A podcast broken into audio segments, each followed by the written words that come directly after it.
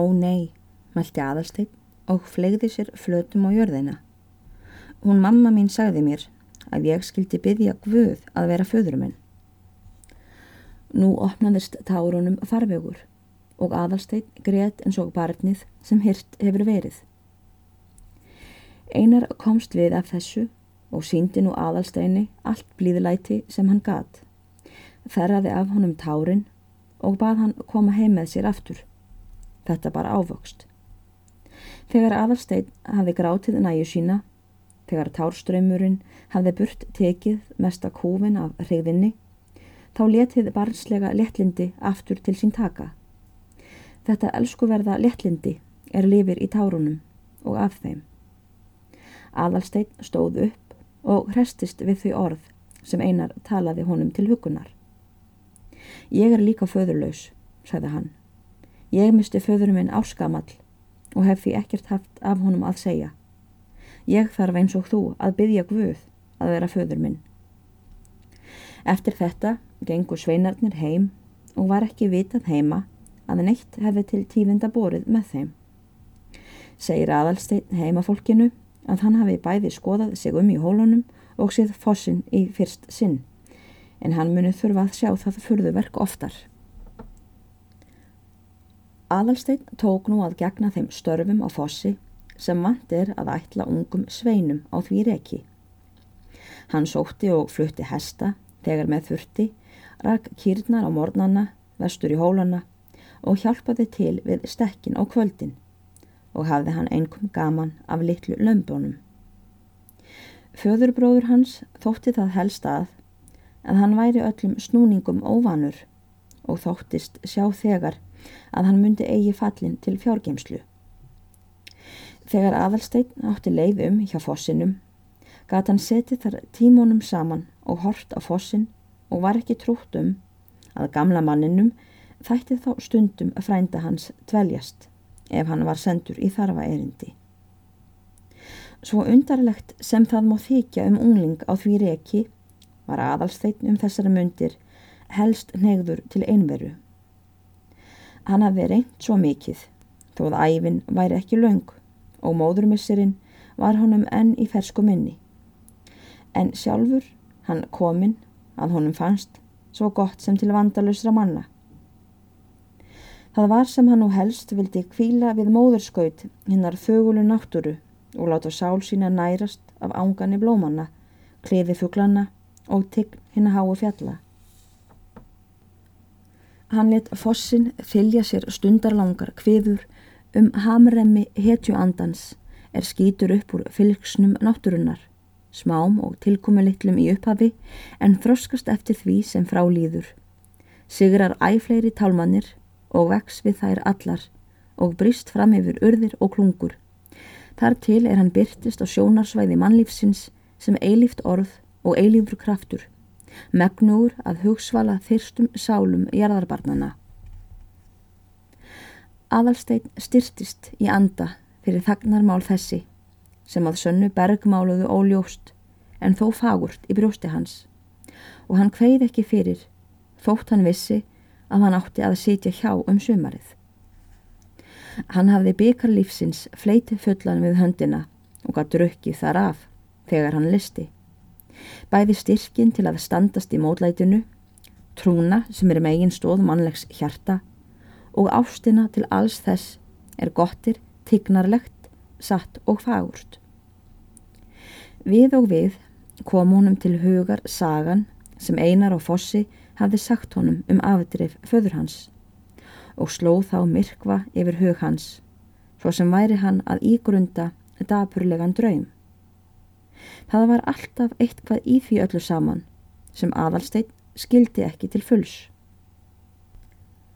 En þessi einveru fýst og hugleðsla aðalsteins var miskilinn á heimili hans, svo sem við mátti búast með því að búsíslan og daglega lífið þarf annars með en það krefur annað fremur en andriki mikið.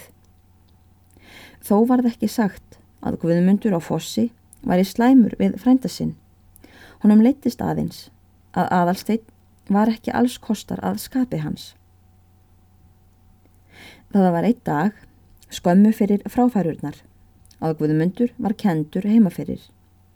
Hann var þó nýkominn annar staðar að og var þá tilrætt um bróðursson hans. Guðmundur átti þá tal við konu sína og mælti. Og ég sé ekki að hann hafi neitt úr ættinni minni. Hann verður ja, ólíkur honum föður sínum í reynd sem í sjón. En hvort sem heldur var að jórunni síntist svo í raun og veru eða hitt var að hún gaf ekki um að samsina Guðmundi í það skipti, þá svaraði hún stutt. Læti ég vera, þó hann sé ekki líkur honum föður sínum í öllu. Þegar eftir fráfærurnar var aðalsteinn látin fara að setja hjá fjennu. Guðmundur heldur þó yfir honum langa tölu og výir hann svo til ennbættisins. Er ræðan þess efnis að útlista fyrir aðalsteini hvers er að gæta og hvað er að varast í hjásetunni og bendir honum á öll þau sker sem helstur þörf að sneiða hjá. Að ærnar ekki týnist, ekki geldist, ekki hundbeitist eða heldist. Aðalstein virtist hlusta til með aðtikli en þó trúði Guðmundur eigi aðtikli þegar í betur en svo að hann hvað réttast að einar sæti hjá með honum fyrstu dagana. Fjenaver ferðin á fossi og þeim bæjónum að vestanverðu á dalnum var óvenjulega hæg og hagarnir til og frá um hólanna verstur af túnunum. En aðgæslu verðt var að að leitótt gatt verið í hólunum fyrir ókunnuga. Þeir einar fóru nú með ánum og sínir einar aðalsteini hvar best þykir að halda þeim til haga. Síðan fara þeir upp á sjónarhól og sjá þaðan til smalána á hraunni og sporði er sátu hjá nokkru sunnar á hrauninu. Einar sínir aðalsteini nú smalakofan er stóð sunnan í sjónarhól og þótti aðalsteini gaman að koma þar inn. Fyrir sunnan kofan var flöt einn lítill og sagði einar hún héti glímuflöt. Þar á flötunni lág flókahattur tættur í sundur en á öðrum stað skamt þaðan frá lág rævill af röndóttu vesti sem auðsjáanlega hafði ekki komist þangað sjálfkrafa.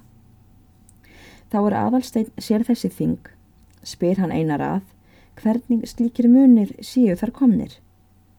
En einar segir að það sé saga að segja frá því. Eitt góðan veðurdag senkt í fyrrasumar, segir einar, stóð hér orusta mikil og sér enn vexumerkin og áttust þeir þá við björn á hrauni og þorbjörn á sporði. Þeim sinnaðist út af því að þorbjörn bar á björn að hann hefði kallað sig þorbjörn á nærböksunum. Björn vildi ekki svara góðu til þessa og hvað réttast að rannsaka hvort þorbjörn væri eigi nærböksum skrittur sem aðrir menn. Nú tók gamanið að grána. Nafnarnir tóku saman og varð aðgangur harður beitti Björn höndunum en Þorbjörn höndum og tönnum og rann raukt blóðið um öllin. En í þessum sviftingum laskaðist hattur og vesti Þorbjarnar og lág hvort tveggja eftir þegar hann flýði af vígvellinu og hefur hann ekki vitjað greipana síðan. Aðalsteini þótti kímileg sagan og spurði einar hvaða manna þeir væri Björn og Þorbjörn. Einar svaraði að Björn á hraunni var í góður drengur og kunningi sinn og þekkti hann ekki til hans annað en gott. Nefn það kynni að vera helst að hann væri dálítið montinn. En að Þorbirni skaltu vara þig, malti einar, eða fundum ykkar ber saman, því hann er bæði fól og hrani og er best fyrir þig að eiga sem minnst saman við hann að selda.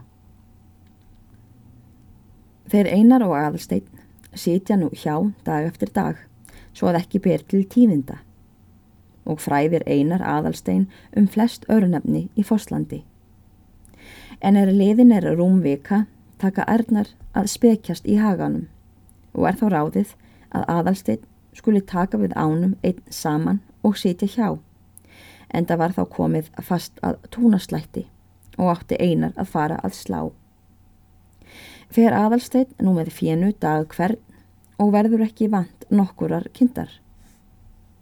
Aldrei hafði hann til þessa hittað máli hinn að smalana, hvorki björn niður þorbjörn og hjælt hann til oftast á sjónarhól eða við smalakofan en hafði stöðu að gát á ámsínum og fór yfir þær hvenar sem þörf gjörðist.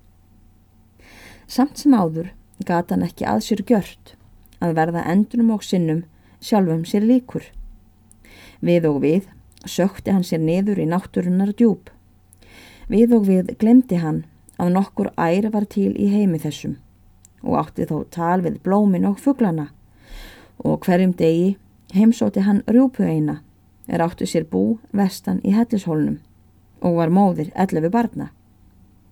En jafnan rankaði aðalsteinn við sér í tíma og fór svo fram um hríð að ekki varð megin að.